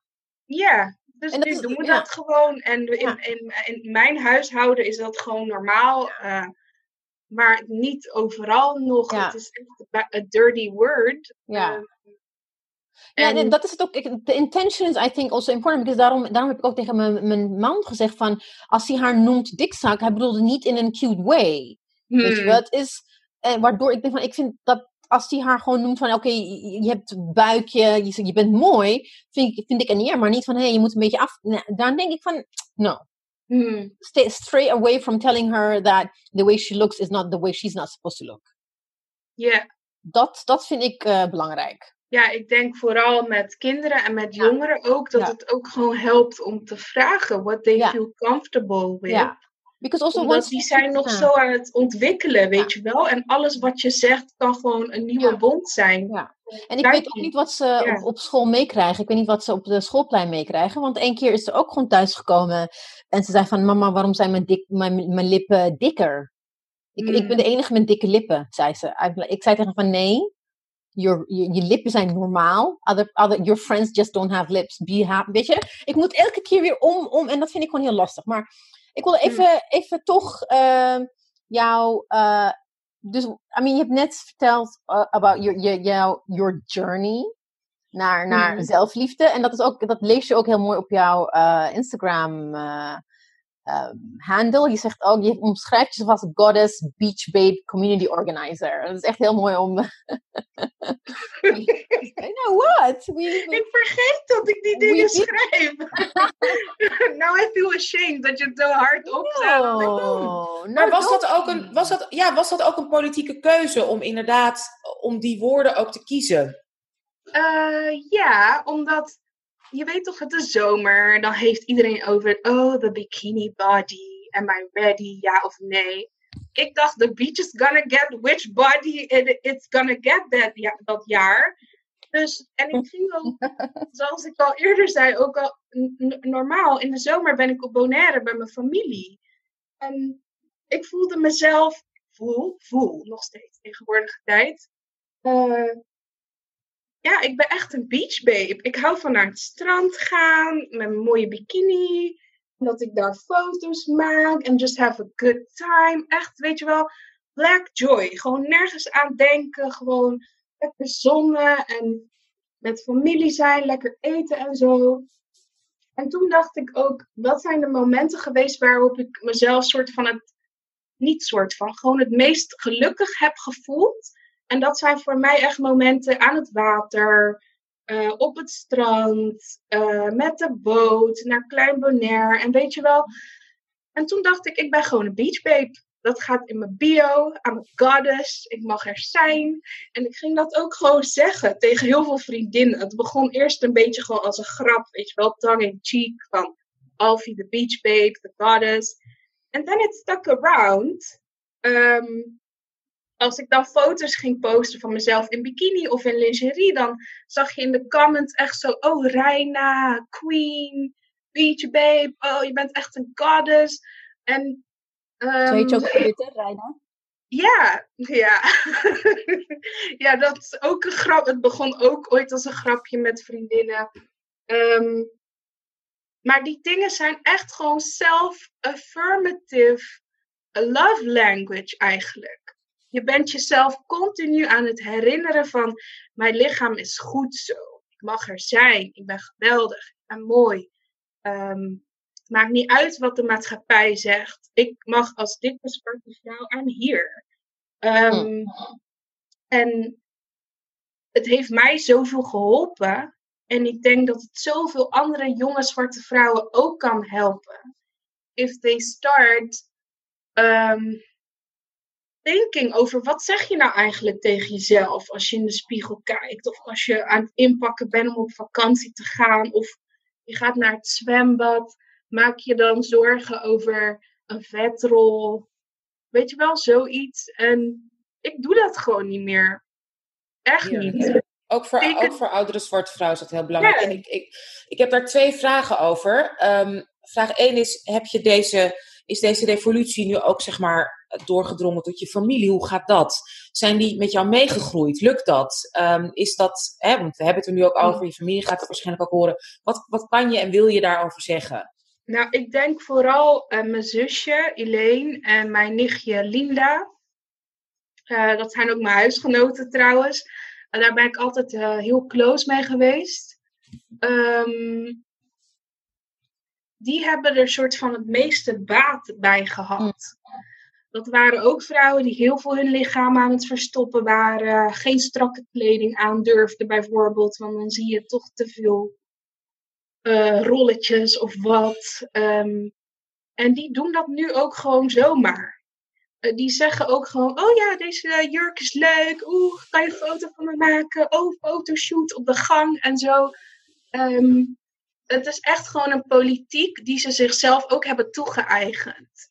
Um, en uh, het is zo sterk zelfs dat ik heb het idee dat ze nog radicaler zijn dan mezelf, omdat ze altijd zeggen van nee, Alfie, met die moet je niet omgaan, want die is en dan denk ik zo, oké, okay. thanks for the heads up. En dan. Die is cancelled. Ja, cancelled inderdaad. en dan denk ik aan mijn moeder, die 53 is. Um, en net uit de overgang komt. Mijn moeder is. Ik denk niet dat zij daar ooit gaat komen. Dat klinkt heel verdrietig of zo. Uh, maar samen met mijn moeder, heel veel vrouwen uit die oudere generatie op Bonaire. Die. Um, ja, ik wou dat ik ze zeg maar ook kon inspireren. Of dat ze ook maar een heel klein beetje meekregen van die van fat positivity. Maar het, ik denk toch dat heel veel dingen zijn te diep. Te veel geïnternaliseerd. En het gebeurt op hele onbewuste manieren. Dat ze bijvoorbeeld zeggen van nou, uh, uh, ik heb de afgelopen week al heel veel gesnoept. Dus dan ga ik mezelf soort van uithongeren de volgende drie dagen. En dan denk ik, ja mama, maar dat soort dingen moet je niet zeggen. Maar het maakt niet uit dat ik haar daarop aanspreek of corrigeer. Uh, het gaat heel diep. En dan gaat ze naar de huisarts en de huisarts zegt, oh mevrouw, uw BMI is te hoog. Zij gelooft dat gewoon. Terwijl BMI, die werkt helemaal niet. Uh, dat is ook een of andere pseudoscience die helemaal niet klopt. Uh, maar mijn moeder neemt dat allemaal voor waar gewoon er is natuurlijk ontzettend veel, hè, wordt, er, wordt gezondheid aan gewicht gekoppeld.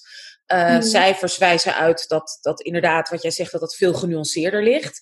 Maar Mhm. hoorde ik het dan goed dat jij zelf iets zei, inderdaad ook, hè, als je het hebt over de politiek en over fat positivity en over voor dat woord hè, staan, daarachter staan. Je had het ook over je levensverwachting. Um, Mhm. Noemde je dat als inderdaad een kritiekpunt, dat dat altijd, hè, dat, dat, dat, dat altijd uh, in de discussie wordt gegooid? Of is het, is het wel iets waar je onderzoek of naar over hebt gelezen of iets, wat kan je, wat, wat kan je daarover zeggen? Want dat wordt heel vaak gebruikt hè, als, als, Ja. als nee, maar het gaat niet over of je er wel of niet mooi uitziet. Ik maak me gewoon zorgen om je gezondheid. Ja. ja, dat zie je bijvoorbeeld. Een mooi voorbeeld daarvan is Lizzo, de zangeres, weet je wel? Uh, dat zij laatst dus ook een filmpje had opgenomen om te laten zien dat she works out. Ze was met haar personal trainer in huis. Was ze zo, weet je wel, aan het trainen, rennen en touwtjes springen. En zeggen van, zie je, ik ben dik, but I still work out. Ik ben nog steeds vet.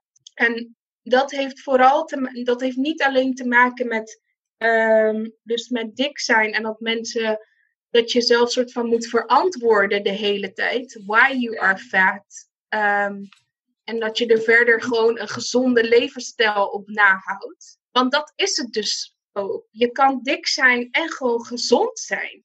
Dik zijn betekent niet per definitie ongezond. That's what we're told to believe. Uh, maar de reden waarom ik premature death en levensverwachting erbij uh, haalde, was omdat uh, maakt mensen ziek en mensen gaan eerder dood. Ik had het over suicidaliteit, over mental health issues, maar ook over dokters die jou verkeerd diagno diagnosticeren of helemaal niet.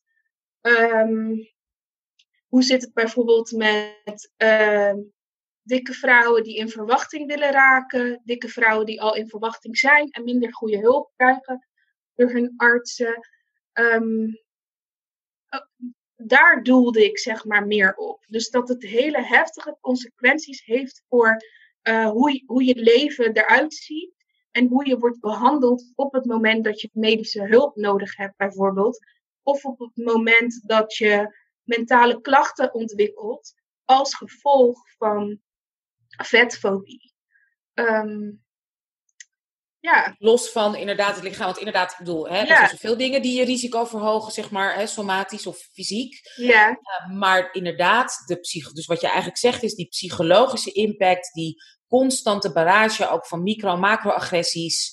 Uh, Ja. En die, die, die zijn dus op elk gebied. Die zijn in de gezondheidszorg, die zijn inderdaad in de Mhm. arbeid, uh, op de arbeidsmarkt, educatie. Je, je noemde ook inderdaad uh, acad in de academische wereld. Jij Mhm. werkt in de academische wereld, dus hoe, hoe gaat het daar? Uh, daar hebben we denk ik echt een hele andere, een another podcast voor nodig. Um, ja, het is gewoon heel gewelddadig, de academic world. Um, racisme zit overal, in alles. Elke teammeeting, alles wat je doet, elk mailtje dat je schrijft. Je moet gewoon drie keer nadenken hoe je iets verwoordt, uh, omdat alles heeft gevolgen. Je wordt ook uh, kritischer beoordeeld dan je andere collega's.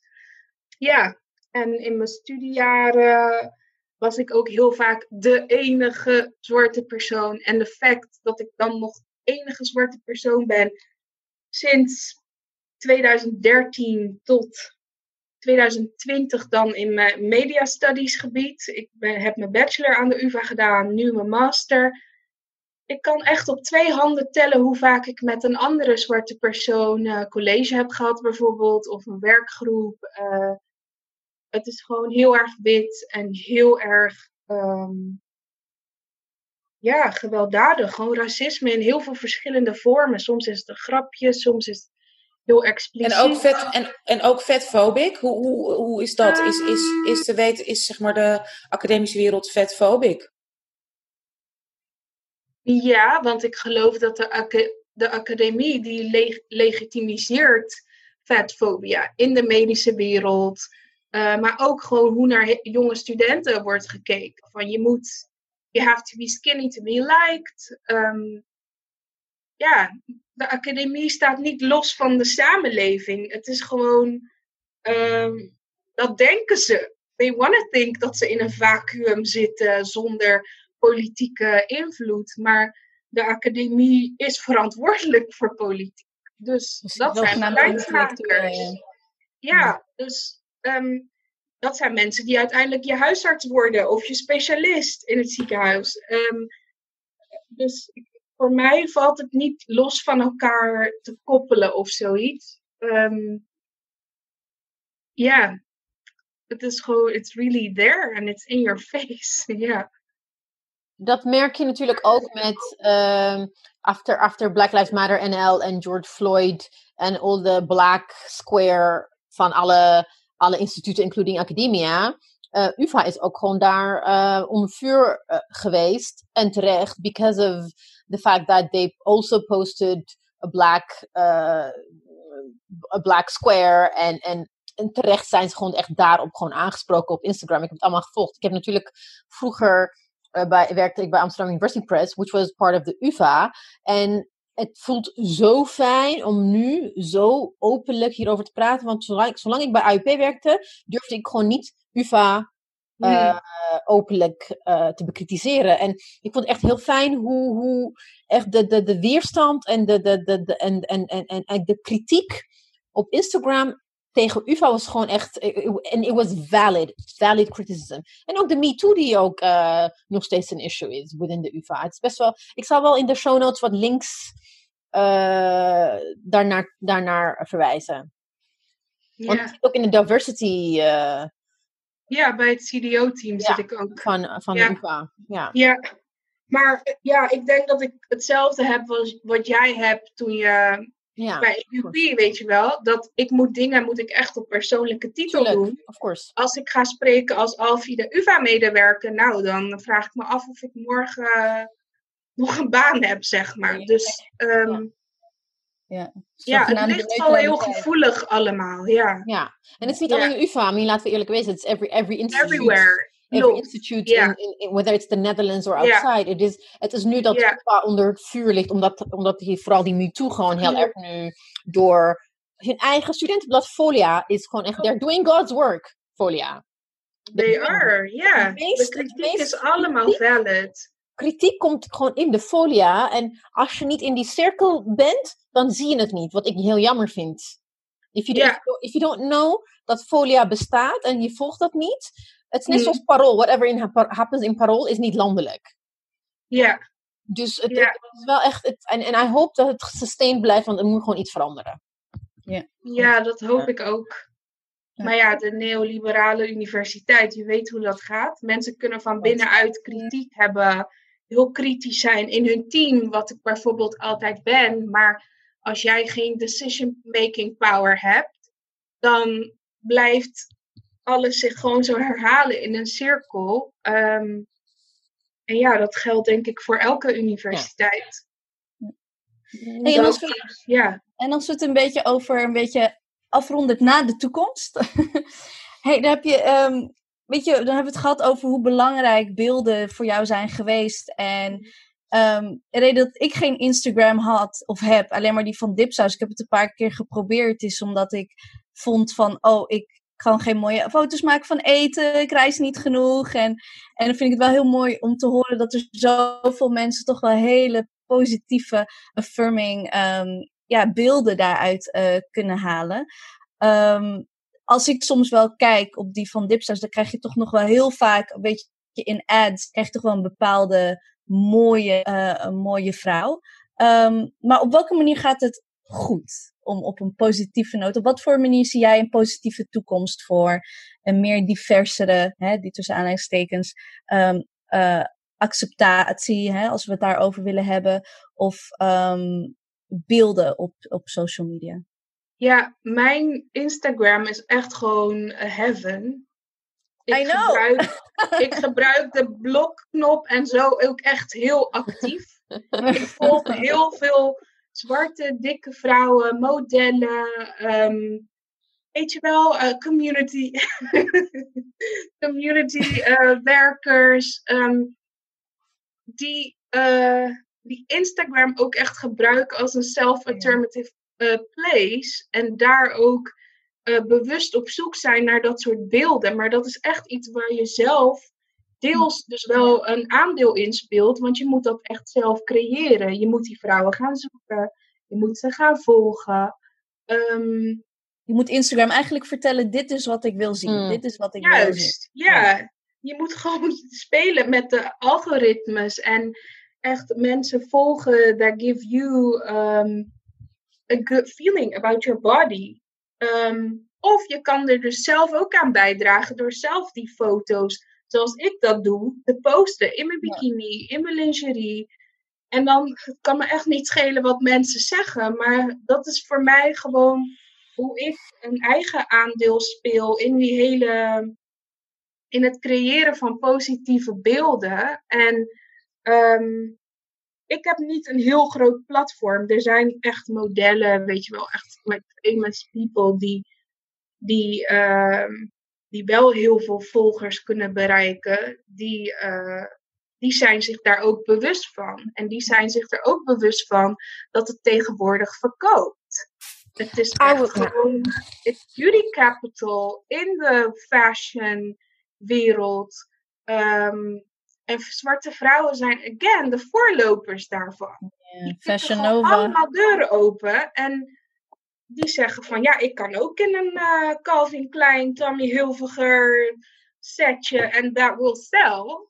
Omdat eh, dat is wat vrouwen willen. Vrouwen want to see ehm, gewoon lichamen zoals ze echt zijn. Ja. Mooie, eh, oh, echt. Weet je wat ik zo interessant vind? Ja. Want ehm, eh, ik luister natuurlijk zo goed naar wat je zegt. Ik weet niet of jij het weet, maar goed, ik weet dat dipsaus, sommige het wel weten.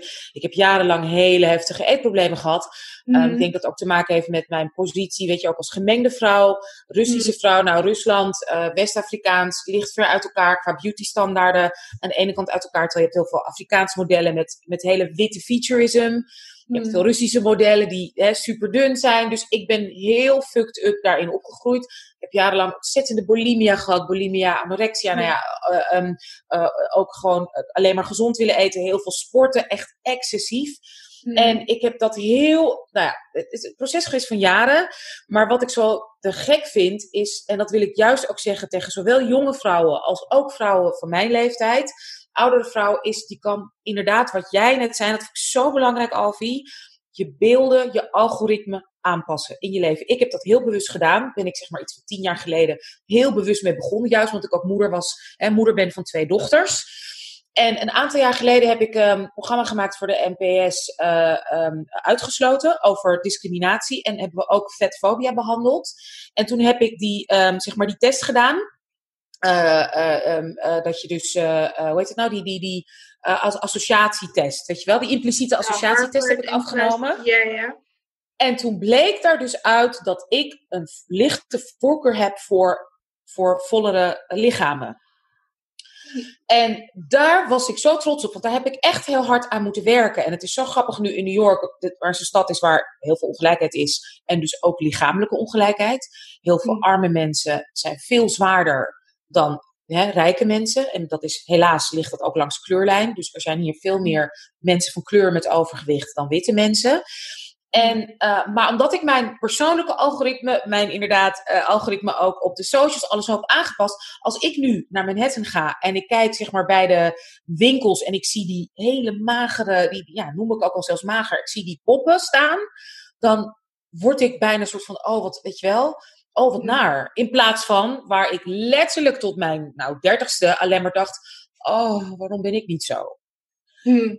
Dus het kan wel, ook als je ouder bent. Ja. Ja. Het kan. Het is werk. Het is wat jij zegt. En gelukkig, door sociale media, door internet, is, kan je jezelf inderdaad door je algoritme aanpassen, helpen om het jezelf Ja. iets makkelijker te maken. Dus ik wil die hoop zo graag uitspreken, zo graag dit zeggen tegen vrouwen en tegen mannen, ik bedoel tegen femmes, tegen iedereen. You can do this. Je kan Ja. het. Weet je, het is mij gelukt. Het kan. En, En het is werk. En het Ja. is niet makkelijk. Even, eventjes één ding. eh, ik moet, ik, ik, ik, ik, het is eigenlijk een vraag. Het is iets dat ik gezien heb en gemerkt heb. I mean, it's capitalism. It's not gonna, like, Ja. uh, how do you say it? Uh, it's not gonna free us. Maar ik merk wel in Nederland. Behalve dan echt de high-end haute couture. Ik merk wel nu in Nederland, in, in de bladen of affiches of, of like de, de chain stores, zie ik wel, modellen zijn niet dit anymore. It, it's, they're, they're not fat, Hmm. maar ze zijn ook niet de nul sizes Nee. anymore. Dat, dat, dat merk ik wel, dat je gewoon elke keer een variatie ziet van lichamen, vollere lichamen. Beginnen steeds te worden bij de CNA's, de H&M's. En dat, de, de plekken waar heel veel... Dus ik weet niet of maybe I'm like seeing it differently. I don't know, but I, have, I think it has changed in the past 20 years. Ik weet niet in hoeveel, of het nou een fad is of een, een, een, een, een nieuwtje en dat het weer teruggaat naar nul. Nee, nee, nee. Kijk, ik, ik, wil ik wil absoluut Alvira horen, maar dat hoort ook, dat ook, dat hoort bij die vraag. Ik weet, ja, wat je zegt, capitalism. En natuurlijk, hè, meer lichamen, dus ook nog meer verkopen. Maar het gaat nog steeds hand in hand met de dieetindustrie. Want inderdaad, ik zie heel vaak dikke vrouwen die dan toch afvallen. Kijk naar Adele. En hoe, weet je, we zijn heel blij met Lizzo. Maar soms denk ik bijna, hm, ik ben benieuwd of Lizzo over vijf jaar dan een afvalcampagne gaat doen of zo. Ja. Snap je? Zoals Ja. een Adele, bla bla bla. Dus ja, Alfie, graag daarover jouw analyse. Nee, ABC heeft echt gelijk, omdat het verkoopt dus. Ehm, eh, maar het, je moet je ook afvragen van, oké, wat voor vrouwen zijn dat dan? Dat zijn vrouwen die ik, ik, tenminste, ik noem mezelf ook zo, en dat doe ik eigenlijk als kritiekpunt. We're the good fatties. Mm. Maat 44, max 46, die nog in eh, high street stores alle kleding kunnen vinden die ze nu dragen. En ehm, die hebben heel vaak toch wel dat je ziet dat hun, dat vet in hun lichaam wordt best wel equally verdeeld. Eh, dus je ziet eh, volle borsten, volle buik, volle bovenbenen en ook wel een beetje bil. Dus het, het is een soort van de geaccepteerde vorm van dik zijn. Een dik zijn die ook verkoopt in de capitalist world bij de H&M, bij de CNA, bij de Hunkemuller, die laatst eh, een eh, bikini-lijn heeft eh, geopend met een, met een ehm, vollere Nederlands model. Ehm, en dan denk ik van, is dat dan that we should praise? Is dit het dan? Ik denk, ik denk van niet, want ik geloof dat ehm, fat positivity moet juist ehm, deuren openmaken voor de hele dikke mensen. Echt maat 48 en hoger. Die geen kleding kunnen kopen bij high street stores. Die niet eh, aantrekkelijk eh, gevonden worden, omdat ehm, in het spectrum worden zij als te dik eh, gezien. Ehm, en ook als vies en not worthy of aandacht van leven. Ehm, en dat is denk ik wat mensen heel vaak vergeten, zeg maar. Dat alles is altijd aan een spectrum. Het kan, ik kan het hier wel hebben over fatfobia en over wat de pijn en geweld dat mij is aangedaan.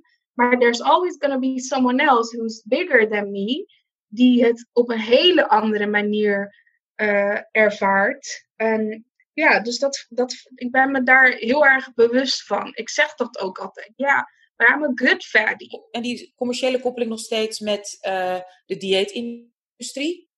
Ja, Ik vind die zelf heel, ehm, heel lastig, omdat het voor mij persoonlijk iets is waar ik echt nog actief aan werk in mijn therapie ook. Ehm, ik heb ook eh, bulimia gehad, of eigenlijk nog steeds. Ik ben er niet volledig van af, zeg maar. Ehm, ik merk dat, dat ik heel veel ook orthorexische tendencies heb. Dus met oké, ja, ik ben dik, ik, mijn, mijn lichaam mag er zijn, maar ik moet dit en dit eten zodat ik geen buikpijn krijg. Dit en dit eten omdat dat gezonder is. Ehm, en ik ben me er ook veel meer bewust van geworden dat eetstoornissen bij eh, dikke mensen eh, niet gediagnosticeerd worden. En dat dat zorgt alleen maar voor nog meer trauma, nog meer pijn. Ehm, dus voor mij is dat ook een soort van ding op zich, eh, dat ook actief bestreden moet worden. Dus diet culture. Van hoe kijken we naar voedsel. Wat zien wij als gezond en wat als niet gezond? En hoe relateert zich dan tot lichaamsidealen, tot dik zijn of dun zijn? Ehm, ik ben me daar in ieder geval heel erg bewust van. Uh, maar het is ook iets wat ik pas in de afgelopen twee jaar door middel van therapie ook um, meer doorheen aan het werken ben. Dus um, Heel herkenbaar, ik ook. En vooral het inderdaad, en ik denk dat is eigenlijk een aparte aflevering. En me geweldig om daar een keer verder over te praten. Met inderdaad meer uh, mensen die, die, die ook echt bulimia, uh, bulimorexia, anorexia en uh, orthorexie hebben gehad of hebben, daardoorheen gaan. Omdat inderdaad, um, wat zo eng is en al die triggers, dan denk je opeens, oh, maar als ik inderdaad, ik zeg maar wat dit doe, uh, aan die regels hou, dan, dan lukt dat of dat of dat. Terwijl, als jij een eetprobleem hebt, is het iets, staat totaal los van inderdaad je lichaam. Weet je, het zijn allemaal, het is iets heel anders. Je eetissues is iets anders dan je body issues. En wat je moet eten, gewoon om die eetissues, of hè, hoe je moet eten, bla bla bla, die regels, of in ieder geval, hè, dat proces mm -hmm. is een ander proces dan die acceptatie. Het ja, maar ze gaan samen op een gegeven moment. Ja, samen en die, ja, het is, het is, het is nou, ja, ze zijn op zichzelf staand, but at some point they meet. En juist op het punt where they meet, daar is waar je de meeste, het meeste werk moet doen. Tenminste, dat is waar ik achter ben gekomen, the hard way. Um, en ja, ik denk dat dat ook iets is, maar het kan dus. Dus het klinkt wel heel heftig nu en heel sad, maar um, we can do this. Um, jij bent er een voorbeeld van, ik ben er een voorbeeld van. Je kan met de juiste beelden, met de juiste hulp en support en ook telkens zeg maar dit gesprek blijven aangaan, kan je anderen daar ook bewust van worden. En ik put er in ieder geval heel veel kracht uit door het überhaupt hierover te kunnen hebben. En ook wetende dat ik niet alleen ben. Dat is, die isolatie is een soort van uh, pseudo-isolatie. It's not real. Er zijn zoveel mensen die door hetzelfde gaan, maar geen spaces hebben waar ze dit gewoon op tafel kunnen gooien en het erover kunnen hebben. En hoe kunnen wij dan, how, how could people like me and Marian be allies then? Want dit zijn dingen die, die ik heb, uh, ik weet er heel veel van omdat ik heel veel over heb gelezen. Because I've, I've had friends who had body image issues. Maar het is niet iets waar ik zelf mee ben opgegroeid. Dus het is also like, uh, ook eetstoornissen, dat soort dingen. zijn niet dingen die ik bewust heb meegemaakt. Maar how can we be then, how can we, we be supportive of our friends, our sisters, our mothers, our colleagues? Hoe kunnen we dat... Iets wat heel makkelijk is, wat je altijd kan doen, is join die self-affirmative train. Als je ziet dat je dikkere vriendinnen dingen aan het delen zijn, images van zichzelf, uh, geef ze die liefde that they so much deserve. Um, en je helpt er jezelf ook mee en andere mensen in je omgeving door te normaliseren, door dik zijn ook te normaliseren en dik zijn en uh, self-love ook te normaliseren. En daarnaast ook um, check yourself. Dus als je zelf merkt van oké, ik ben heel erg bezig met oké, het is kerst geweest, ik heb te veel gesnoept, galalala. Nu ga ik dit doen, ga ik gezonder eten, clean eten. Vraag jezelf af, waarom doe ik dat? En waarom vind ik het belangrijk om dit ook zo te benoemen tegen andere mensen of in front of a fat person? Uh, dat is wat heel vaak gebeurt. Dus dan kunnen je vriendinnen kunnen jouw lichaam wel mooi vinden, but not for themselves. Ja. If they were to turn fat at some point, dan hebben we een heel groot probleem. Dus um, het, he het is heel veel innerwerk. Um, Nee, het is, net, het is bijna net als met, met witheid, wat ik vaak merk. Uh, veel slanke mensen of dunne mensen beginnen dan ook over zichzelf heel snel. Van, ik was juist dit, of maar, maar net als met, ja, ik werd ook altijd heel wit genoemd. Zo, melkfles, vond ik ook niet leuk. Dat. En dat is heel lastig. Ja, snap je? Om, om die vertaling, omdat, um, omdat inderdaad, hè, zoals Ebis ook zei, in sommige culturen Hmm. is het, was het geen, is het geen beauty standaard. Maar ja, we leven nu in deze cultuur en hier is het wel zo. Snap je? Dus het, is, het, is, het, zijn- veel layers, juist, denk ik, juist voor ons als vrouwen van kleur en Ja. zwarte vrouwen. En eh, we hebben, want Marjam zegt ook juist altijd heel vaak tegen mij, ontzettend liefdevol, zodra mijn moeder onze foto's ziet, vindt ze jou altijd het mooist. En dan aan de Oh, ene kant ben ik daar heel blij mee. Weet je, voel ik me heel, oh, dankjewel voor het compliment. Aan de andere kant hoor ik haar dan ook zeggen, ja, niet in het. Sna- Snap je? wat Ik bedoel, dat zegt ze niet, Mm. maar snap je? Ja, ja, ja. ja. Dat is de, de, de sublayer. Ja. Ja, onbedoeld, maar Ja, die ja. is er dus wel. Dan wordt dus Ja. weer benoemd van, ja, niet, niet hier, maar in mijn cultuur vinden we jou wel mooi. ja. Nou ja, en Ja. dat is inderdaad een blessing en een curse. Weet je, ik, gelukkig ga- gaat het steeds beter. En wat ik al zei, ik heb echt dingen Ja. te draaien in mezelf. Ehm, maar goed, dat, dat speelt dus ook mee, denk ik. Hè? Ook belangrijk om te benoemen Hmm. bij allyship. Ja. Ja. Het doet me heel erg denken aan ook weer een andere isme, weet je wel, wanneer, ehm, weet je, dat hoe, hoe vrouwen heel erg hebben ehm, benefit, hebben kunnen eh, profiteren op, op een manier van de LHBT-gemeenschap, hè. En ik heb er ook een beetje zo met de, de body positivity, weet je, dat ook eh, eh, de, de slanke vrouwen daar ook ontzettend op die wave aan het ehm benefiten zijn, maar dat we altijd, weet je, moeten onthouden van ehm, eh, aan wie we dat te danken hebben. En again, weet je, en het is bijna altijd eindigt dat met bij de zwarte vrouw. Of de zwarte femme. Of de zwarte transvrouw. En ook wat ik zie bijvoorbeeld, ik zit dan wel op TikTok. En ehm, om juist om die algoritme. Om juist ehm, eh, te, volgen en te liken. En dat maakt gewoon een verschil. Dat maakt gewoon een verschil als wij dat liken. Als wij tegen die verschrikkelijke algoritmes zeggen, wij willen dit zien. Heb je ja, twee vliegen in één klap bijna. Want je vertelt eigenlijk, die, die, worden, die accounts komen omhoog. En ook, eh, ik kreeg laatst een berichtje van de, van de meid uit eh, Louisiana.